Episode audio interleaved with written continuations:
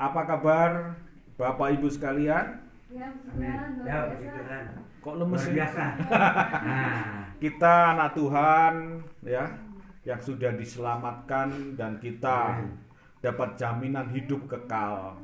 Harus selalu bersuka cita, harus senang. Tadi di saat saya masuk, saya rasakan bagaimana hadirat Tuhan. Di saat kita mulai pujian pertama, di situ rasakan betapa Tuhan luar biasa hadir di tempat ini, Bapak Ibu Saudara terkasih. Saudara terkasih, mungkin yang tidak tahu atau tadi udah banyak yang kenal tahu ya nama saya, ya Edi tadi Pak Tuding udah tahu, Pak Pendeta udah tahu semua udah tahu lah. Nah, pada hari ini kita akan belajar akan firman Tuhan ya. Sebenarnya tadi waktu saya di gereja itu baru buka HP. Loh, oh iya ya sudah, ya Pak, udah itu aja. Saya persiapan berangkat, jadi pulang gereja langsung saya langsung ke sini. Mari kita belajar bersama-sama di dalam kitab 2 Tawarikh pasal 20 kitab 2 Tawarikh pasal 20 2 Tawarikh pasal 20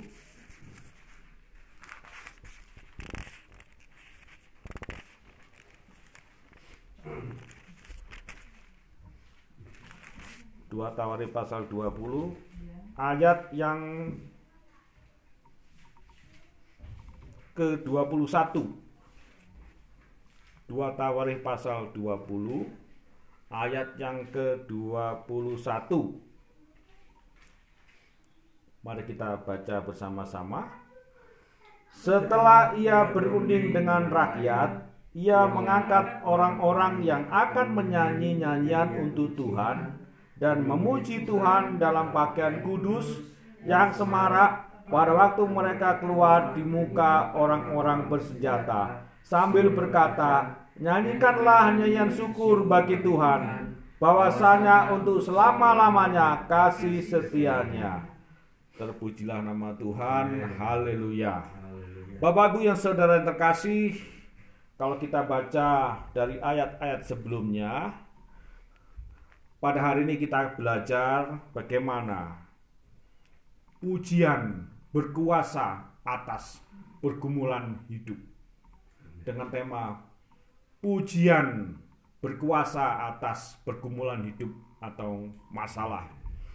Bapak Ibu yang terkasih, di sini bahwa Raja Yosafat ya, Raja Yosafat itu sebagai Raja Yehuda ya, sebagai Raja Yehuda itu akan diserang oleh Ba- Bani Moab dan Bani Amon.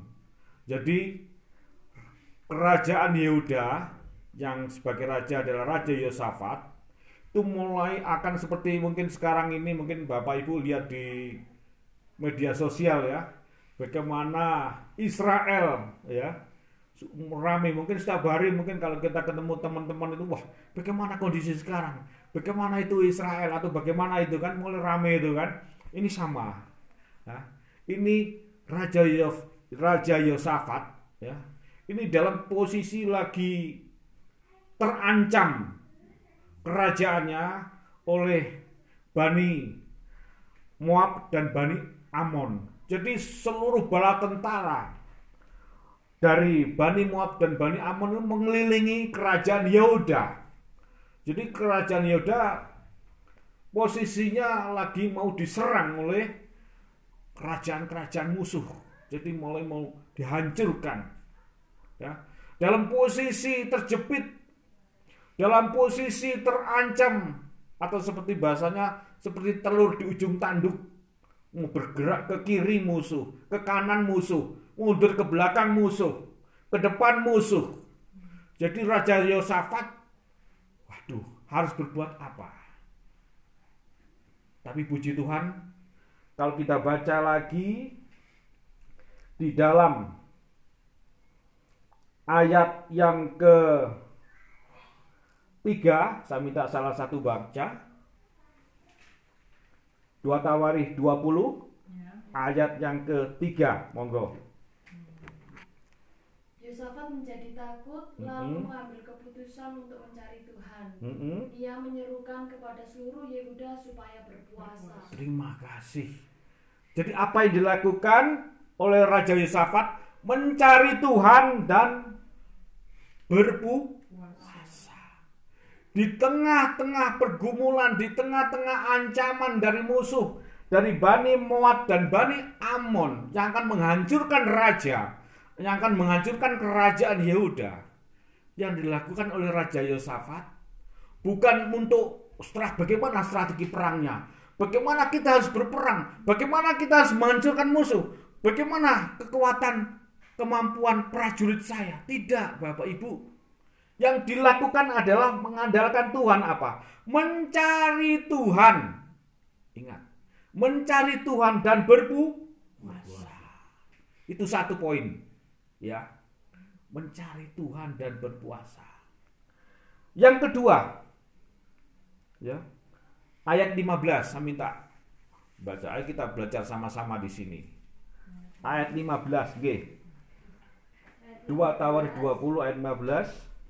Dan berseru, camkanlah hai seluruh Yehuda dan Mm-mm. penduduk Yerusalem Mm-mm. dan tuanku Raja Yosafat, Mm-mm. beginilah firman Tuhan kepadamu. Janganlah kamu takut dan terkejut karena laskar yang besar ini, sebab bukan kamu yang akan berperang melainkan Allah. Amin. Terima kasih. Lihat. Luar biasa kan Tuhan. Ya.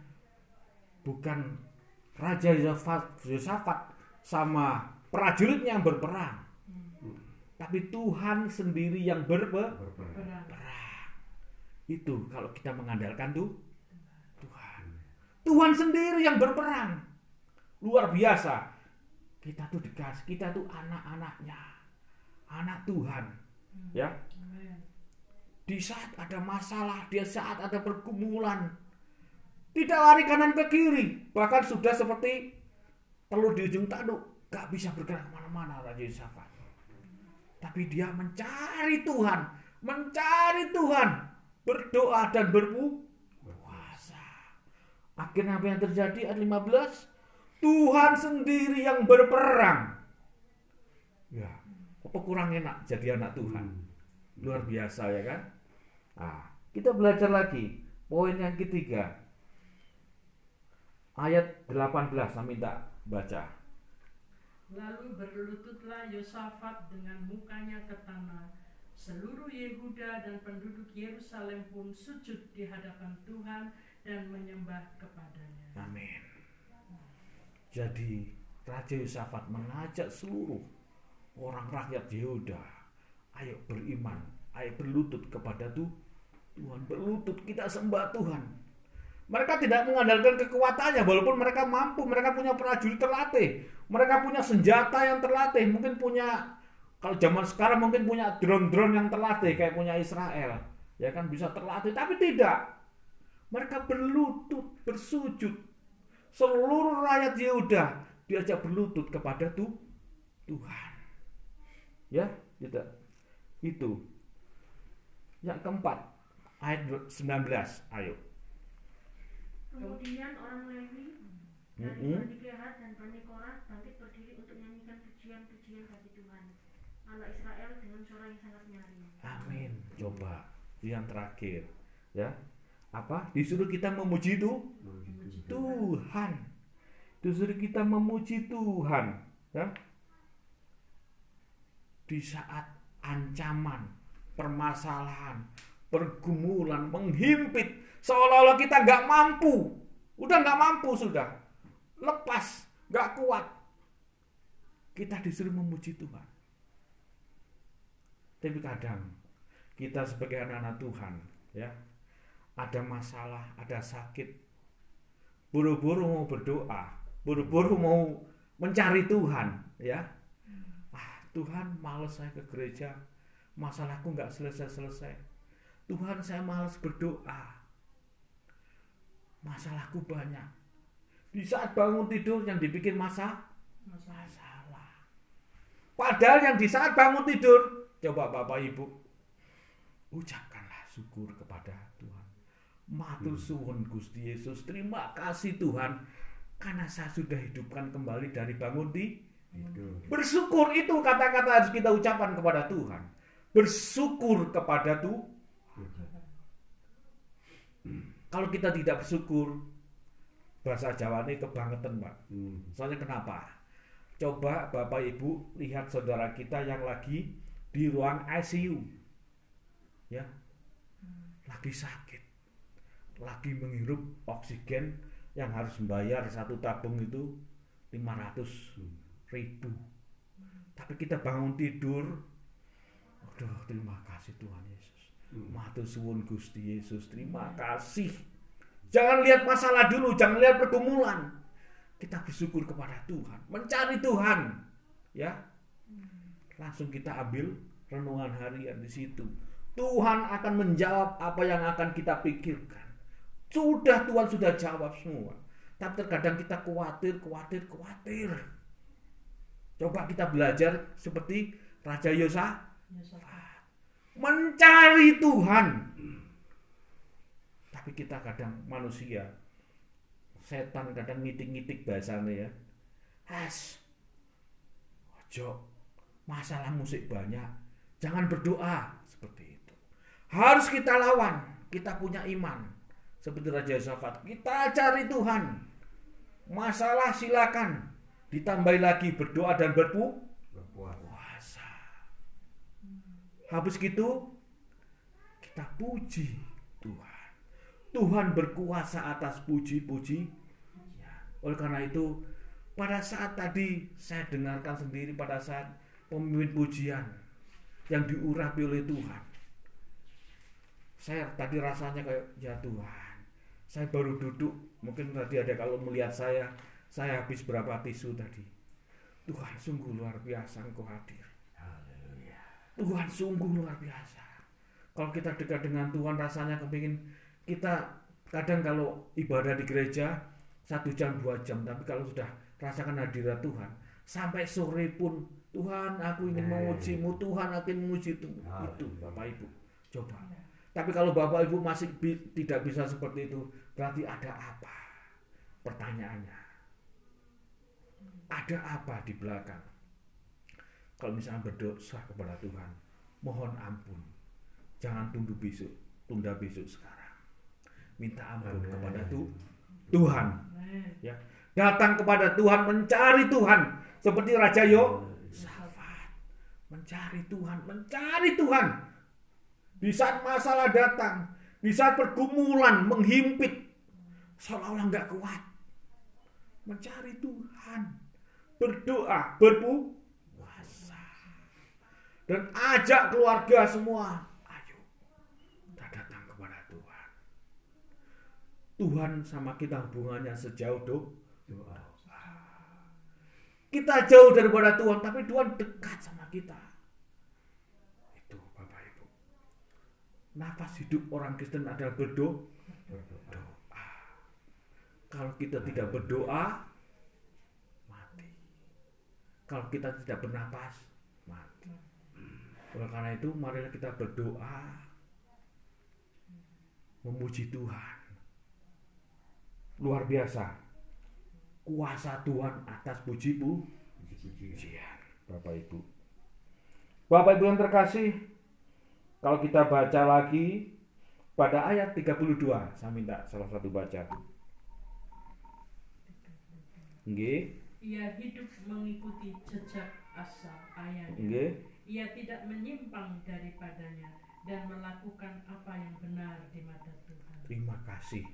Jadi Raja Yosafat hidupnya mengikuti jejak Asa ayahnya. Ngapain hidupnya? Raja Asa itu tidak menyimpang dari jalan Tuhan dan selalu melakukan apa yang benar. Itu diikuti oleh Raja Yosafat.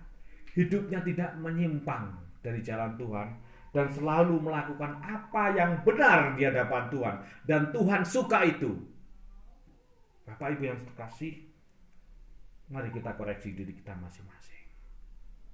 Kalau Tuhan ingin menjawab doa kita, kalau Tuhan ingin kita menjadi sahabatnya, seperti Raja Yosafat, kita hidup yang be- benar. Jangan menyimpang ke kanan dan ke kiri, tapi tetap hidup di dalam Tuhan. Itu. Yang terakhir, kalau kita baca, saya minta Kolose pasal 3 ayat 16 dan 17. Kolose 3 ayat 16 dan 17 Oke. bunyinya demikian. Hendaklah perkataan Kristus diam dengan segala kekayaannya di antara kamu sehingga kamu dengan segala hikmat mengajar dan menegur seorang akan yang lain dan sambil menyanyikan mazmur dan puji-pujian dan nyanyian rohani kamu mengu- mengucap syukur kepada Allah di dalam hatimu dan segala sesuatu yang kamu lakukan dengan perkataan atau perbuatan lakukanlah semuanya itu dalam nama Tuhan Yesus sambil mengucap syukur oleh Dia kepada Allah Bapa kita. Amin. Jadi mengucap syukur lewat puji-puji, Puji-puji. puji-pujian. Jangan anggap remeh Bapak Ibu di saat kita menyembah Tuhan. Coba kita belajar. Saya itu dulu kadang hidup saya itu kadang lihat orang saya kan hidup saya dulu kadang di gereja Pantai Costa, kadang di gereja GPB, kadang di gereja. Jadi saya tahu. Tapi setelah saya mengalami sendiri perubahan Tuhan, ubah saya sendiri, oh luar biasa.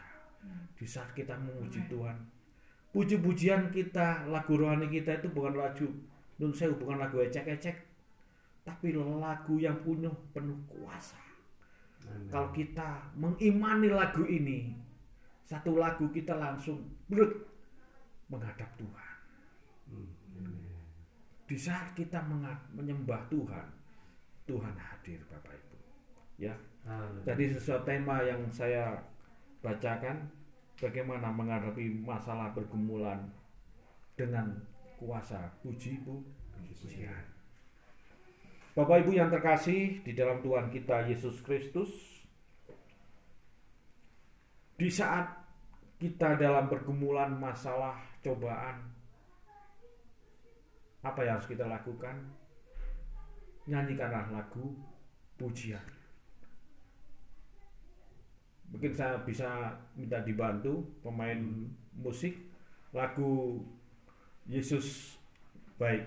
Ye apa? Semua baik, semua baik. Apa yang telah kau perbuat di dalam hidupku semua baik semua baik apa yang saya dibantu untuk lagu ini ya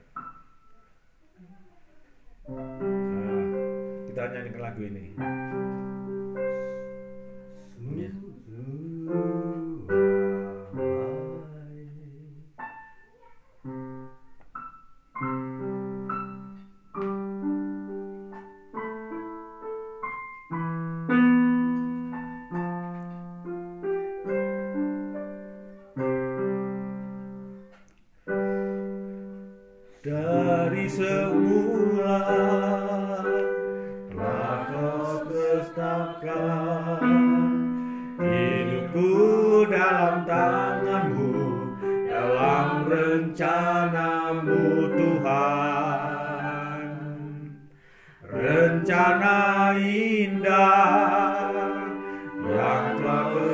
Siapkan bagi masa depanku yang penuh harapan. Semua baik.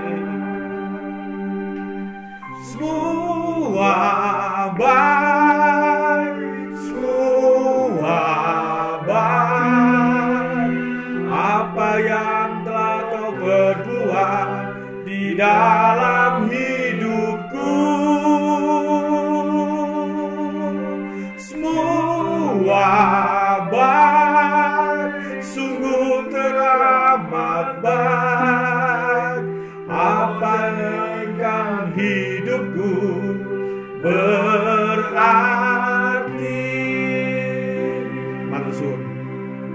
Ibu yang terkasih Mungkin Bapak Ibu baru tahu lagu ini. Siapa yang menciptakan? Yang menciptakan adalah Pak Budi dari GPB Sinode Jakarta. Beliau ini menciptakan lagu ini di saat dalam kondisi sakit. Karena sakitnya dan dia tetap percaya kepada Tuhan, tetap selalu mengandalkan Tuhan. Di saat sakitnya, Tuhan selalu diandalkan. Dia tidak lemah imannya. Dia tetap sampai akhirnya Tuhan memanggil. Sebelum dia memanggil, dia bilang sama istrinya, "Ma, lagu ini jangan diedarkan dulu sebelum aku mati." Bapak Ibu terkasih, akhirnya Pak Budi dipanggil Tuhan dan lagu ini sampai sekarang jadi berkat buat kita. Bahwa di saat suka maupun duka kita tetap selalu bersyukur dan bersyukur kepada Tuhan. Terkadang kita sebagai manusia bersyukur di saat enak, tapi Tuhan mengajarkan kepada kita mengucap syukurlah dalam segala hal. Bahwa itu yang diberkenan oleh Tuhan. Seperti Bapak Budi ini, walaupun sakitnya, sampai akhirnya Tuhan panggil, dia tetap mengucu mengucap syukur dan diciptakanlah lagu ini menjadi berkat buat kita, Bapak. Bahwa Tuhan Yesus baik, baik suka dan duka Tuhan Yesus baik. Di saat pergumulan masalah datang dalam kehidupan kita, Tuhan Yesus baik. Jangan undur daripada Tuhan, tetap maju. Bahwa Tuhan selalu campur tangan dan Tuhan akan berperang di depan kita seperti Raja Yosafat yang dibantu Tuhan. Karena Raja Yosafat mengandalkan Tuhan dalam kehidupannya. Mari kita belajar kepada teladan Raja, Yosafat melakukan apa yang benar di hadapan Tuhan. Marilah kita mungkin selama ini mengandalkan kekuatan diri kita sendiri. Marilah kita sekarang hanya mengandalkan Tuhan dan mencari Tuhan. Marilah kita nyanyikan selalu pujian syukur kepada Tuhan. Bahwa Tuhan sendiri akan berperang. Tuhan sendiri akan menyelesaikan pergumulan masalah dalam kehidupan kita, Bapak Ibu. Yang penting kita tidak menyimpang dari jalan kebenaran, hidup benar di hadapan Tuhan. Tuhan Yesus memberkati. Mari kita berdoa. Tuhan Yesus Allah kami yang baik. Ini yang dapat kami sampaikan ya Bapak. Biarlah Tuhan sendiri campur tangan. Di saat kami dalam permasalahan pergumulan dalam kehidupan kami, di saat sakit penyakit tidak sembuh ya Bapak, tapi Engkau baik kepada kami Bapak. Yesus, di saat masalah kami belum selesai, tapi Engkau baik kepada kami. Engkau Yesus, Engkau baik. Oh, haleluya Yesus. Kami percaya Engkau Tuhan. Kuasamu dari dahulu sekarang selamanya tidak berubah Bapak. Terima kasih Tuhan. Tuhan kami berdoa untuk gereja Bapak Todik di sini Tuhan dan keluarga Tuhan berkati. Gereja JKI Duta Injil Tuhan berkati. Berinjil disampaikan kabar baik disampaikan di sekeliling kami ya Bapak. Dan namamu dipermuliakan ya Bapak. Terima kasih Tuhan Yesus. Engkau Allah kami yang baik dan Engkau Yesus Allah kami yang baik sangat baik. Sampai Engkau datang kedua kalinya ya Bapak. Terima kasih ya Tuhan. Inilah doa dan ucapan syukur kami. Sumbangkan kami hanya di dalam nama Tuhan kami Yesus Kristus. Haleluya. Amin. Silakan.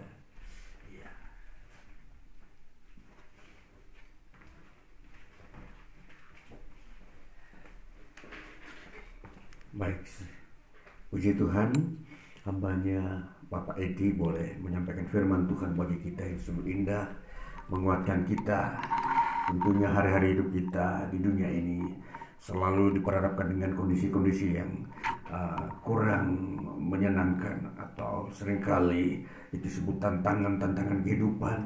Sehingga biarlah kita sadar bahwa Tuhan menyediakan dirinya agar kita datang kepada dia untuk selalu meminta pembelaan dan pertolongannya. Itulah rahasia firman Tuhan Itulah rahasia kehadiran Tuhan di bumi ini. Tuhan hadir bukan untuk membuat umatnya celaka. Tapi dia mau membantu, membawa kepada kemenangan. Dan membawa kita umatnya yang percaya kepada dia. Selalu ditolong, diberikan jalan keluar. Permasalahan-permasalahan anak, permasalahan-permasalahan ekonomi, permasalahan-permasalahan pekerjaan. Masih banyak permasalahan yang memang ada di dunia ini. Itulah sebabnya mata kita dibukakan untuk melihat firman-Nya bahwa Tuhan itu ada. Dia mau selalu hadir di tengah kita. Baik kita semua hari-hari ini, baik kita sadar bahwa Tuhan sebenarnya memperhatikan kita. Tuhan sebenarnya selalu ada di dalam hidup kita untuk membawa kita kepada kehidupan itu sendiri. Hidup ini mempunyai makna. Baik mari kita masuk dalam doa syafaat kita. Kita mengadakan mata kita mengadakan uh, hidup kita kepada Tuhan, mengarahkan uh, segenap pribadi kita bahwa kita perlu campur tangan Tuhan. Kita akan masuk dalam doa syafaat kita pada hari ini. Sekalipun banyak bebanmu, sekalipun banyak persoalan masih banyak yang belum bisa teratasi, tetapi berdoa Itulah jalan keluar kita mencari Tuhan. Bahkan segala yang kita belum mengerti, dia akan datang. Kita berdoa supaya kita tetap ada di dalam kehendaknya. Baik kita masuk di dalam doa syafaat kita di hari ini.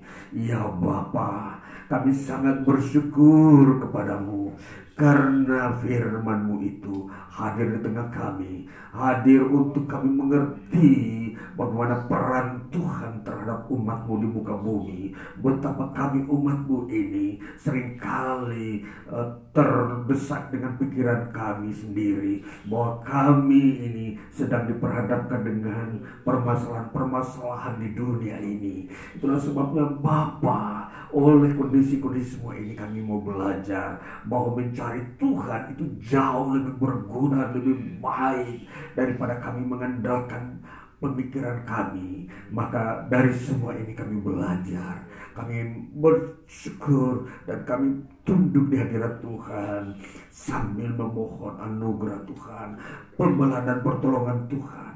Hari-hari ini kau perhatikan umatmu, ya Tuhan, ibu-ibu rumah tangga, dengan anak-anak mereka sering kali mengalami kesulitan mendidik anak. Seringkali anak-anak berjalan menurut kemauan sendiri berdasarkan keinginan atau uh, mengikuti tuntutan uh, dunia ini. Seringkali bertentangan dengan pikiran orang tua dan kemauan orang tua Tuhan kami berdoa hambamu mendoakan ibu-ibu yang sedang menghadapi kasus atau kondisi-kondisi seperti ini. Kami berdoa dan nama mendoakan mereka, jamah mereka, pulihkan mereka, berikan jalan keluar, berikan kekuatan kuasa roh kudus untuk mengubahkan hati anak-anak agar taat kepada orang tua. Kami berdoa supaya kondisi anak-anak tidak terjebak dengan tipu daya setan di dunia ini yang membawa mereka kepada kehancuran yang membawa mereka kepada jauh dari kasih Tuhan dan kasih orang tua. Kami berdoa Bapa untuk juga ibu rumah tangga yang juga menghadapi kondisi-kondisi ekonomi hari-hari ini banyak kesukaran-kesukaran yang mereka temui. Kami berdoa Tuhan buka jalan, berikan berkatmu, buatkan mujizat-mujizat dalam keluarga supaya mereka terpenuhi baik makanan minuman bahkan kebutuhan akan kesehatan. Biar mereka mendapatkan itu Tuhan daripadamu. Dan engkaulah tempat perteduhan setiap umatmu di muka bumi. Apa yang dibutuhkan oleh umatmu dalam seluruh keberadaan hidupnya telah dipercayakan kepadamu. Engkau telah menyediakan dirimu sebagai sumber hidup.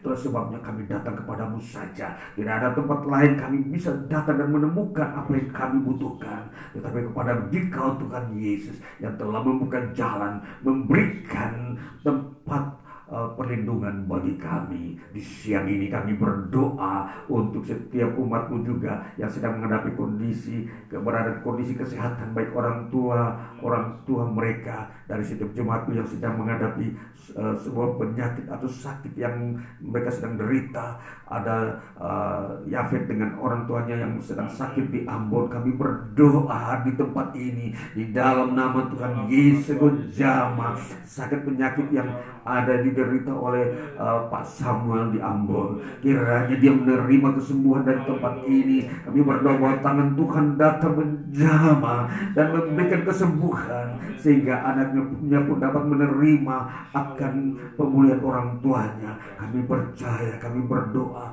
doa kami bahwa mata Tuhanlah yang sendiri melihat menyoroti seberapa jauh kondisi-kondisi hidupnya. Itulah sebabnya dari semua ini kami percaya percaya di hadapan Tuhanlah kami dapat mempertaruhkan hidup dan masa depan kami. Juga kondisi anak-anak yang sedang belajar saat, saat ini. Mereka diperhadapkan dengan kesulitan-kesulitan. Bisa saja mereka uh, di, di, uh, dihantui dengan berbagai-bagai uh, perkembangan-perkembangan mode yang hadir di tengah mereka. Mereka sedang belajar mencari sesuatu ilmu pengetahuan yang baik. Kiranya Tuhan bukakan jalan lepaskan mereka dari pengaruh-pengaruh kejahatan, tipu daya-tipu daya setan yang membuat pikiran mereka tidak baik. Itulah sebabnya biar sifat-sifat Kristus, sifat-sifat Tuhan yang hadir dalam setiap anak-anak yang sedang sedang bersekolah saat ini. Kami berdoa untuk keluarga-keluarga Kristen umat Tuhan yang ada di kota kami, yang ada di tengah bangsa kami. Kami berdoa tuh gereja-gereja Tuhan, jemaat Tuhan, hamba-hamba Tuhan yang melayani pekerjaanmu, berkati dan teguhkan keluarga-keluarga Kristen di tengah bangsa kami ini supaya mereka berdiri kuat di tengah-tengah banyak goncangan dan pencobaan dan banyak tekanan-tekanan yang sering terjadi sehingga sering kali mereka lemah. Terus kami terus berdoa Bapak biar kekuatan Tuhan membuat mereka berdiri menjalani kehidupan rumah tangga bahkan pekerjaan-pekerjaan tanggung jawab tanggung jawab. Pelayanan pelayanan pemberitaan Injil menjangkau jiwa-jiwa yang sedang terhimpit oleh berbagai kesulitan ekonomi kesehatan dan segala macam uh, kondisi terburuk dalam hidup mereka. Kami mau berdoa roh Tuhanlah berbicara, menyatakan kasih kuasamu, menyatakan kebaikan Tuhan, kemampuan Tuhan melepaskan setiap orang di muka bumi ini dari segala kondisi terburuk yang sedang dihadapi. Kami berdoa Tuhan untuk bangsa kami. Kami mendoakan bangsa kami, pemerintah kami, sehingga perjalanan bangsa ini tetap baik adanya, tidak ada terjadi uh, kondisi-kondisi uh, yang uh, menakutkan atau kondisi yang tidak baik, kondisi alam, kondisi lingkungan, kondisi masyarakat. Kami berdoa, kami berdoa Roh Kudus akan bekerja mendatangkan kebaikan, pemulihan-pemulihan, kesembuhan-kesembuhan, dan juga kebenaran-kebenaran terus terbuka dan terjadi dan uh, terwujud di tengah-tengah kehidupan uh, masyarakat. Kami berdoa kiranya masa depan bangsa kami selalu ada di dalam pemulihan dan kebaikan berkat. Masyarakat tidak akan ada lagi dalam sebuah kemiskinan. Masyarakat tidak akan mengalami sebuah tekanan yang yang tidak uh, mereka inginkan mereka menginginkan sesuatu kehidupan yang lebih baik. Kami berdoa, roh Tuhanlah yang bisa mendatangkan semua ini. Kami berdoa untuk pemimpin bangsa kami. Kami berdoa untuk masa-masa depan perjalanan politik bangsa kami. Biar semua dalam keadaan kebaikan dan kejujuran. Kami berdoa siapakah yang layak menjadi seorang pemimpin. Itulah yang menjadi bagian-bagian uh, ketentuanmu Tuhan. Kami berdoa sehingga mereka yang menjadi pemimpin bangsa ini benar benar-benar adalah berkat Tuhan bagi bangsa kami, bagi kami umat Tuhan, bagi seluruh masyarakat untuk melihat hidup depan lebih baik, tidak ada di dalam kondisi yang uh, tidak menyehatkan. Kami mengucap syukur bahwa Tuhan ada,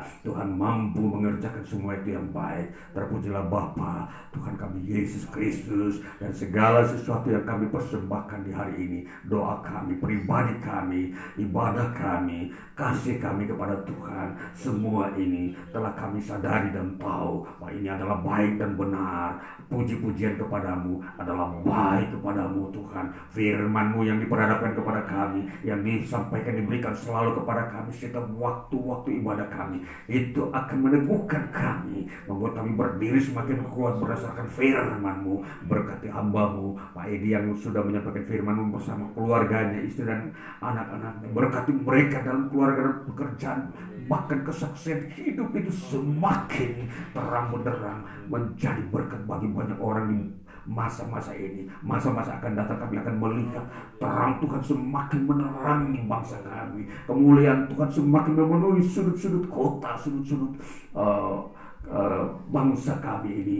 Sehingga tiada satu pun yang terlewatkan maka biarkanlah ya Tuhan damai sejahtera itu turun dan hadir di tengah kami untuk memberi hidup kami. Terima kasih ya Bapak untuk kondisi saat, ini yang sedang terjadi. Bahwa Tuhanlah yang akan memperbarui yang kurang baik menjadi baik dan seterusnya. Kami tetap percaya. Maka inilah hari-hari hidup kami. Doa sahabat kami yang kami naikkan kepadamu Bapa dalam nama Tuhan Yesus Kristus dan biarkanlah uh, segenap uh, persembahan yang kami bawakan di hari ini. Ini berkenan di hadapan Tuhan ada di dalam mesbah Tuhan. Berkati setiap jemaatmu yang akan pulang dengan uh, kehidupan mereka dalam rumah tangga di dalam mereka bekerja di dalam mereka berusaha di dalam aktivitas-aktivitas hari lepas hari. Sampai kepada hari-hari berikutnya kami datang lagi beribadah kepada Tuhan mengisi hari hidup ini. Maka turunan anugerah dari surga kasih daripada Allah Bapa. Persekutuan dengan Tuhan Yesus Kristus pengurangan Roh Kudus menyertai kami semua hari ini sampai Tuhan Yesus datang kedua kali. Maka ini doa kami. Kami berdoa sesuai dengan apa yang Tuhan ajarkan kepada kami. Bapa kami yang di surga, dikuduskanlah namamu, datanglah kerajaanmu, jadilah kehendakmu di bumi seperti di surga. Berikanlah kami pada hari ini makanan kami yang secukupnya, dan ampunilah kami akan kesalahan kami seperti kami juga mengampuni orang yang bersalah kepada kami. Dan janganlah membawa kami ke dalam pencobaan. Tetapi lepaskanlah kami daripada yang jahat. Karena engkaulah yang punya kerajaan kuasa dan kemuliaan sampai selama-lamanya. Terima kasih Yesus Terima kasih Yesus. Puji syukur hanya bagimu Ya Allahku. Ya Tuhanku.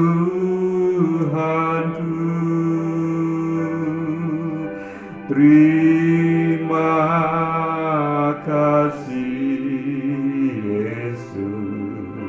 Haleluya.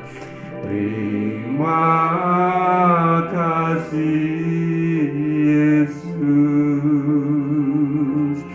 Puji syukur hanya bagimu. Terima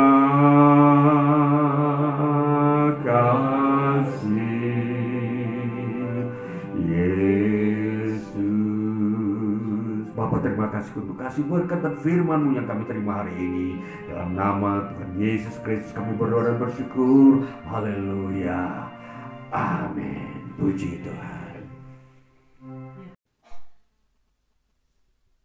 Selamat pagi, Shalom. Shalom, puji Tuhan. Hari ini Minggu 29 Oktober 2023 kita dapat berkumpul bersama. Itu suatu penyertaan Tuhan untuk kita semua dalam sukacita Tuhan untuk memuji dan menyembah Dia. Mari kita siapkan hati kita, pikiran kita untuk fokus beribadah kepada Tuhan kita di dalam nama Yesus Kristus. Kita naikkan pujian, Yesus kau sungguh baik. selalu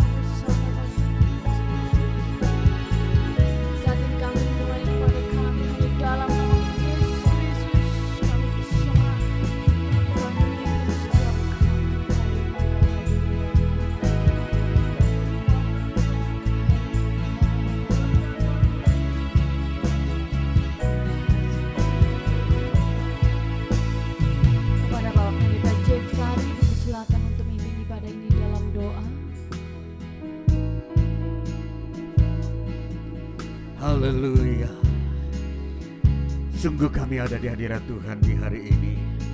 Kami bersyukur untuk kasih Tuhan yang memenuhi jiwa kami. Sehingga kami datang dengan penuh segenap hati, segenap jiwa dan bahkan tubuh ini untuk memuji Tuhan. Kami datang menyembah beribadah kepadamu Tuhan. Di hari yang kau telah berikan bagi kami, hari kudusmu. Itulah sebabnya tempat ini telah kau kuduskan dan kau karuniakan bagi kami untuk menyembah dan meninggikan namamu. Maka biarkanlah kemuliaan Tuhan memenuhi kami, umatmu yang datang di hari ini beribadah. Berkati kekuatan kuasa dari surga meliputi kami, damai sejahtera dan Roh Kudus terus bekerja di tengah kami mendatangkan kemuliaan Tuhan. Terima kasih maka berkat Tuhanlah yang memenuhi ibadah kami ini. Ibadah dari awal pertengahan sampai pada kesudahannya itu itu terjadi hanya dalam nama Tuhan Yesus Kristus. Kami memulai ibadah ini. Haleluya. Amin. Puji Tuhan, Tiada ragu di dalam hati kita untuk mengikut Tuhan Yesus. Amin. Karena apa? Karena dialah yang senantiasa setia menolong kita, menyertai kita, memberkati kita. Haleluya. Mari kita bangkit berdiri. Kita mau menaikkan pujian, Engkaulah Tuhan kami.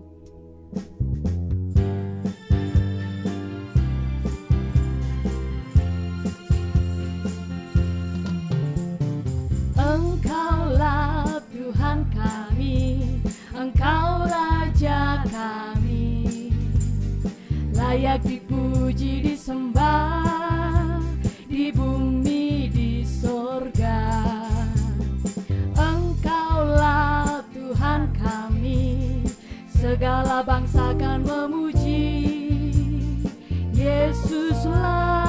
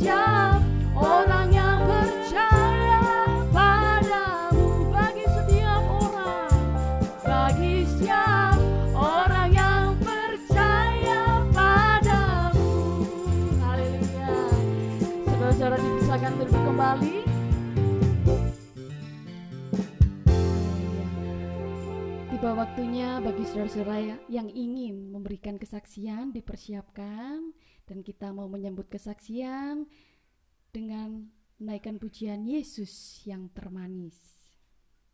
Yesus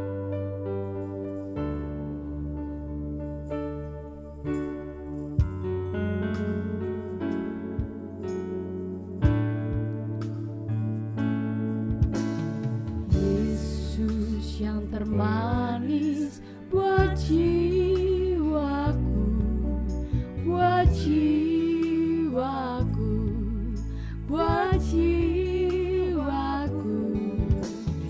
Yesus yang termanis buat jiwaku,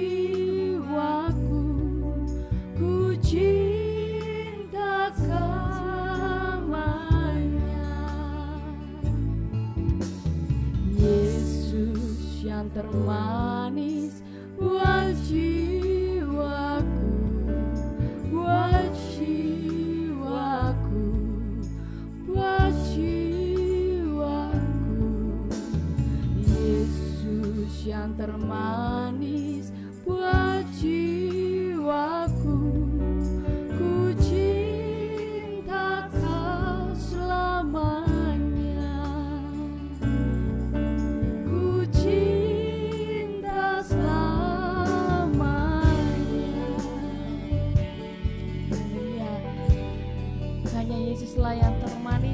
apa pun ya, meskipun kepahitan dalam menjalani kehidupan hanya Yesus yang termanis.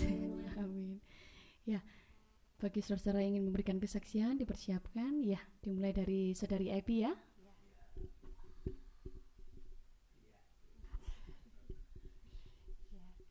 Shalom Bapak Ibu Saudara sekalian. Ya, puji nama Tuhan. Selamat datang untuk Pak Edi. Selamat bergabung di gereja kami, gereja kecil kami, CKI Duta Injil Indah Malang. Ya, inilah kondisi kami, Pak, masih merintis, tapi kami terus bernyala-nyala dalam api iman kami untuk melayani Tuhan.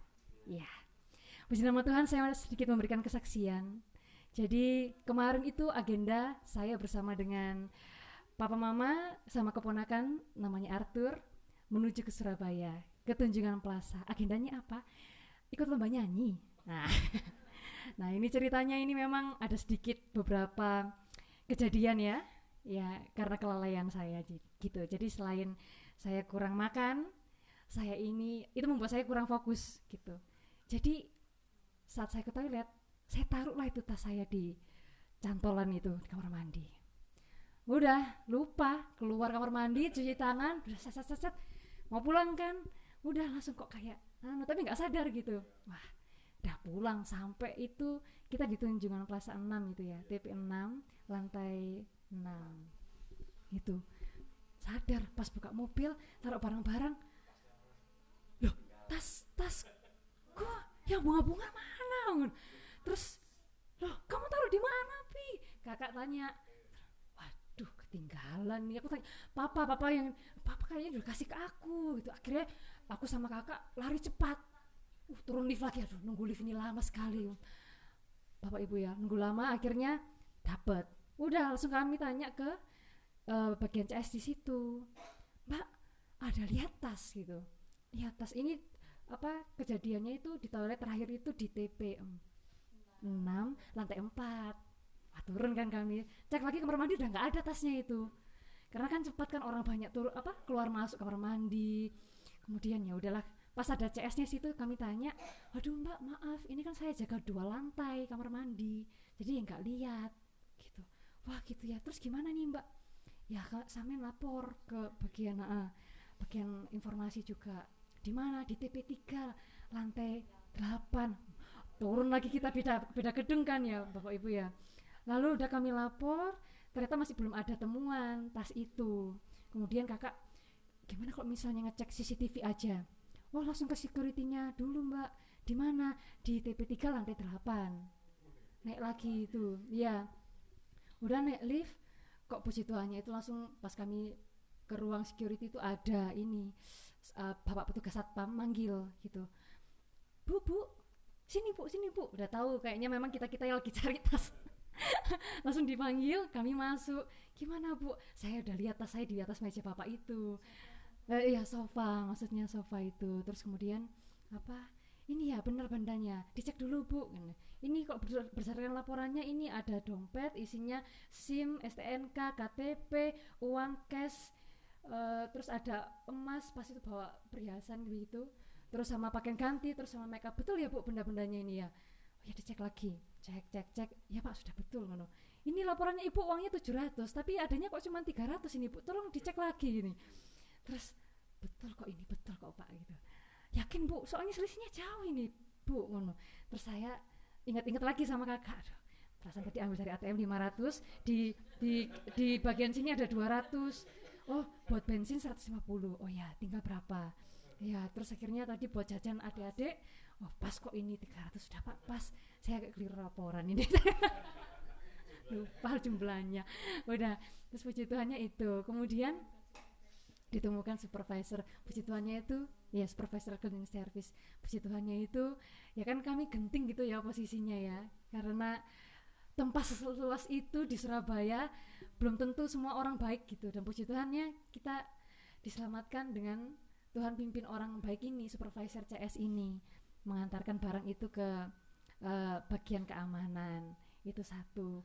Terus yang kedua saat mau pulang bayar ini tiket karcisnya karcis mobil ya. Itu tidak terbaca di scan barcode petugasnya. Aduh ini apa lagi? Ini mobil-mobil sudah pada tin tin tin di belakang ini. Ini apalagi ini pembelajaran apa lagi ya ini Tuhan? Terus apa namanya si bagian kasirnya maaf ya Pak sebentar ya Pak ya gitu.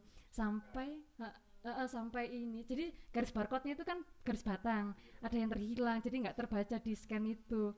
Kemudian apa?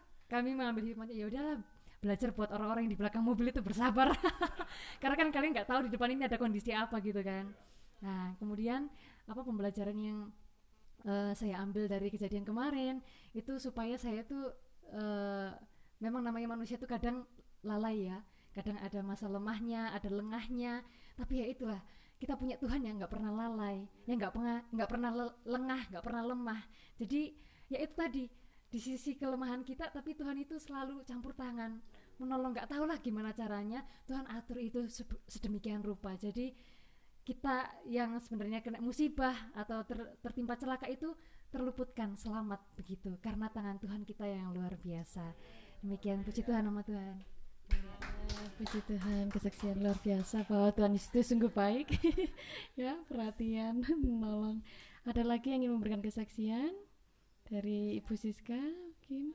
Yang kemarin puji Tuhan ya untuk Ibu Siska anaknya yaitu Tiona ya kemarin ikut lomba dance modern. Ya memang arahnya ke ini ya mencari bakat ya. Jadi gak hanya nari nyanyi main musik tapi campur. Nah dari 52 peserta Ona juara harapan satu. Ya puji Tuhan ya Ona ya. Dan sudah menolong ya luar biasa. Ada lagi Iya, sudah. Ada. Ya, Bapak Pendeta Ciftari. Ya puji Tuhan kalau ya, hari ini uh, kita ke kehadiran kedatangan ya tamu kita Bapak Edi. Sungguh ini sesuatu yang uh, luar biasa bagi kami sebenarnya. Uh, saya dengan Pak Edi ini sudah uh, bertemu seminggu yang lalu sudah mem memperbincangkan ini. Rencana mau datang cuma minggu yang lalu tidak bisa. Uh, sekaligus memang saya lagi di Jogja saya pelayanan di Jogja jadi saya baru pulang hari persis hari Minggu kemarin.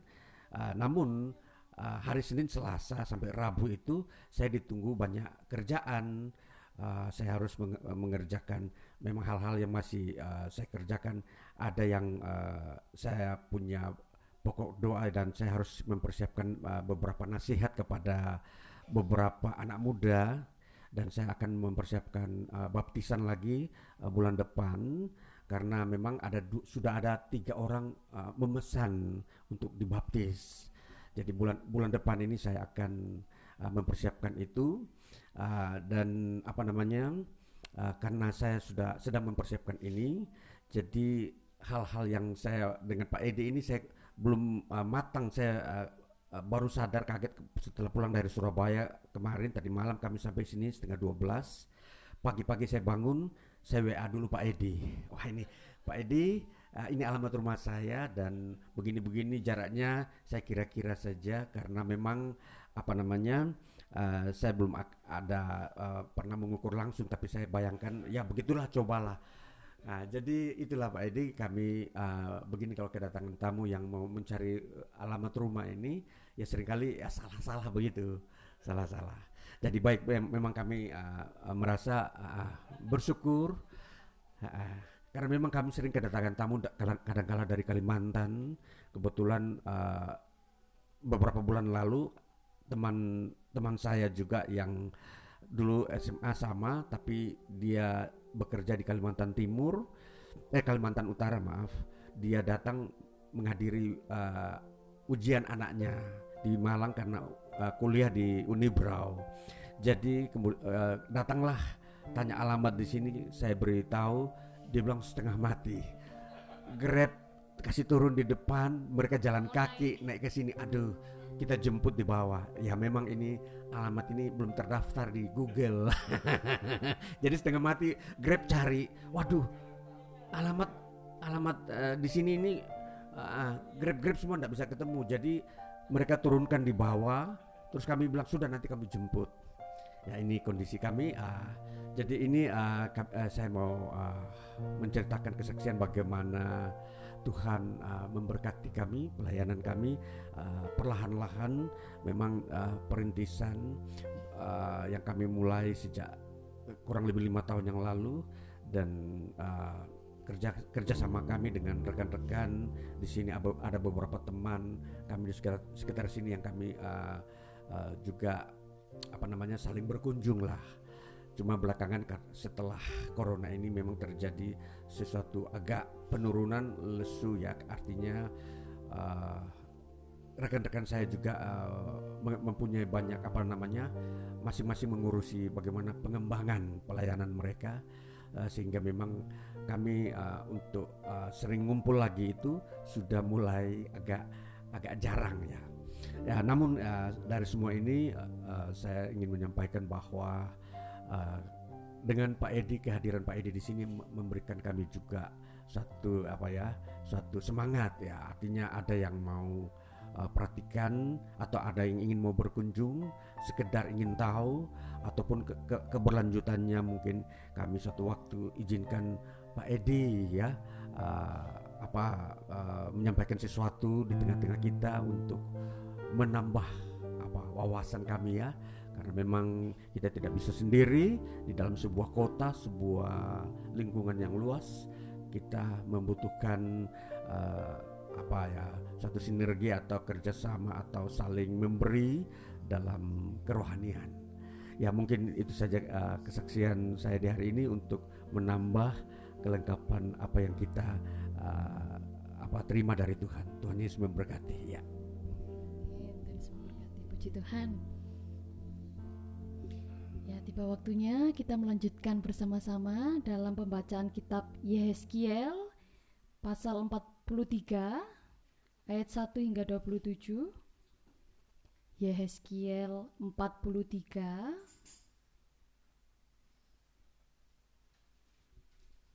ayat 1 hingga 27 yang sudah dapat katakan puji Tuhan. Iya. Ya.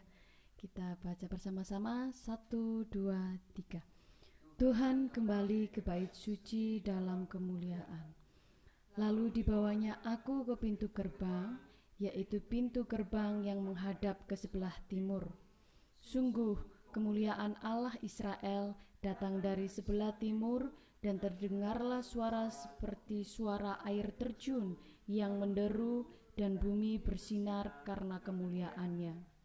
Yang kelihatan kepadaku itu adalah seperti yang kelihatan kepadaku ketika ia datang untuk memusnahkan kota itu dan seperti yang kelihatan kepadaku di tepi sungai Kebar, maka aku sembah sujud. Sedang kemuliaan Tuhan masuk di dalam bait suci melalui pintu gerbang yang menghadap ke sebelah timur, roh itu mengangkat aku dan membawa aku ke pelataran dalam. Sungguh, bait suci itu penuh kemuliaan Tuhan. Lalu aku mendengar dia berfirman kepadaku dari dalam bait suci itu. Orang yang mengukur bait suci itu berdiri di sampingku, dan ia berfirman kepadaku, Hai anak manusia, inilah tempat tahtaku, dan inilah tempat tapak kakiku, Di sinilah aku akan diam di tengah-tengah orang Israel untuk selama-lamanya, dan kaum Israel tidak lagi akan menajiskan namaku yang kudus, baik mereka maupun raja-raja mereka, dengan persundalan mereka atau dengan mayat raja-raja mereka yang sudah mati. Juga tidak dengan meletakkan ambang pintu mereka dekat ambang pintuku, atau mendirikan tiang-tiang pintu mereka dekat tiang-tiang pintuku, sehingga hanya dinding yang memisahkan aku dari mereka. Mereka menajiskan namaku yang kudus dengan perbuatan-perbuatan mereka yang keji, maka dari itu aku menghabiskan mereka dalam amarahku. Sekarang mereka akan menjauhkan ketidaksetiaan mereka dan mayat raja-raja mereka daripadaku dan aku akan diam di tengah-tengah mereka untuk selama-lamanya. Maka engkau, hai anak manusia, terangkanlah kepada kaum Israel tentang bait suci ini, agar mereka menjadi malu melihat kesalahan-kesalahan mereka. juga bagaimana bait suci itu kelihatan dan rancangannya. Dan kalau mereka merasa malu melihat segala sesuatu yang dilakukan mereka, gambarlah bait suci itu, bagian-bagiannya, pintu-pintu keluar dan pintu-pintu masuknya dan seluruh bagannya. Beritahukanlah kepada mereka segala peraturannya dan hukumnya dan tuliskanlah itu di hadapan mereka agar mereka melakukan dengan setia segala hukumnya dan peraturannya. Inilah ketentuan mengenai bait suci itu. Seluruh daerah yang di puncak gunung itu adalah maha kudus. Sungguh inilah ketentuan mengenai bait suci itu. Ukuran-ukuran mesbah dan pentahbisannya. Inilah ukuran-ukuran mesbah itu dalam hasta, yaitu hasta yang setapak tangan lebih panjang dari hasta biasa. Paritnya adalah satu hasta dalamnya dan satu hasta lebarnya, dan sekeliling parit itu ada tepi yang tingginya satu jengkal, dan inilah tinggi mesbah itu. Dari parit yang di dalam tanah sampai jalur keliling yang terbawah adalah dua hasta, dan lebar jalur keliling itu adalah satu hasta. Dari jalur keliling yang terbawah sampai jalur keliling yang di atas ada empat hasta dan lebar jalur keliling itu satu hasta juga.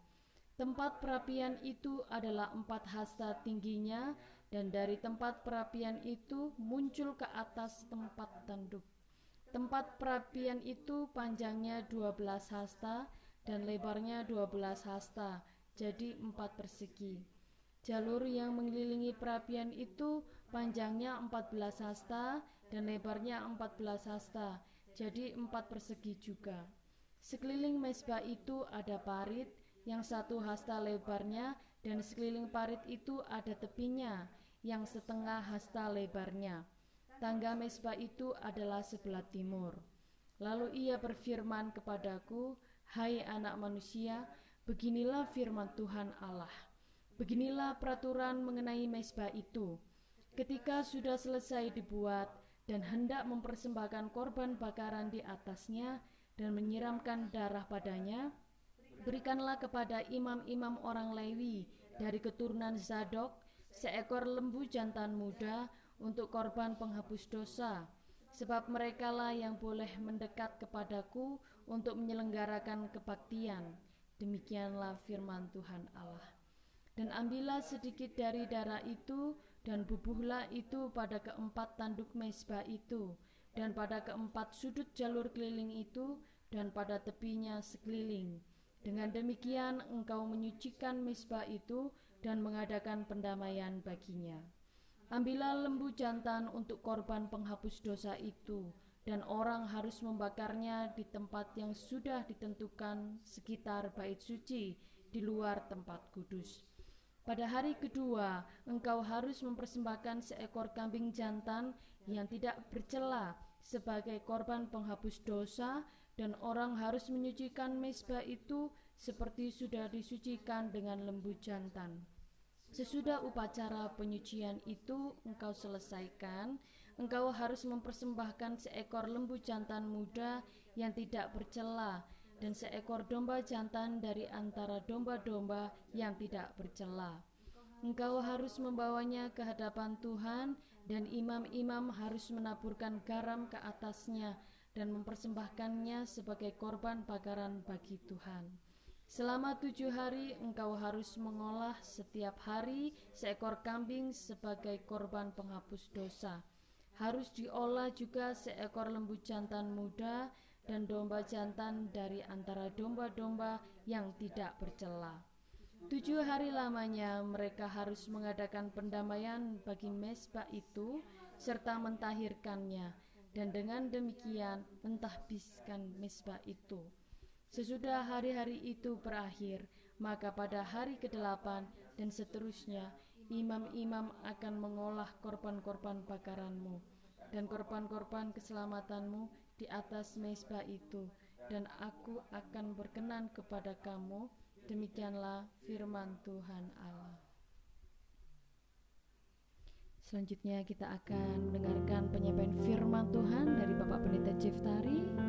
Kita siapkan nanti kita dengan pujian dan akan berdoa kekuatan hidupku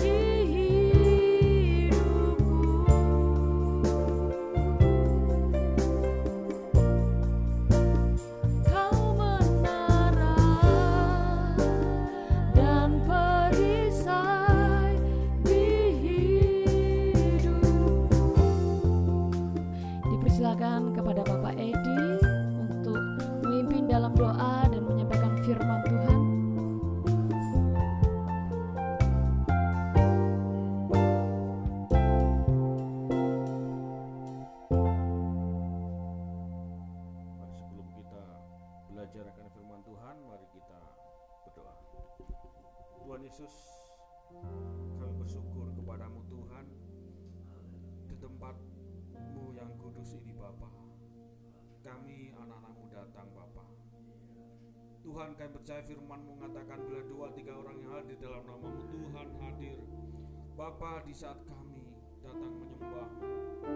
Kami merasakan kehadiranmu ya Tuhan. Engkau menjamah kami. Ya Yesus Allah kami. Kami gak layak Bapa. Sucikan tubuh, jiwa, roh kami. Layakan kami untuk belajar akan mendengar dan mengerti akan firman-Mu Bapa. Berfirmanlah kami siap mendengar. Di dalam nama Tuhan kami Yesus Kristus yang percaya katakan amin.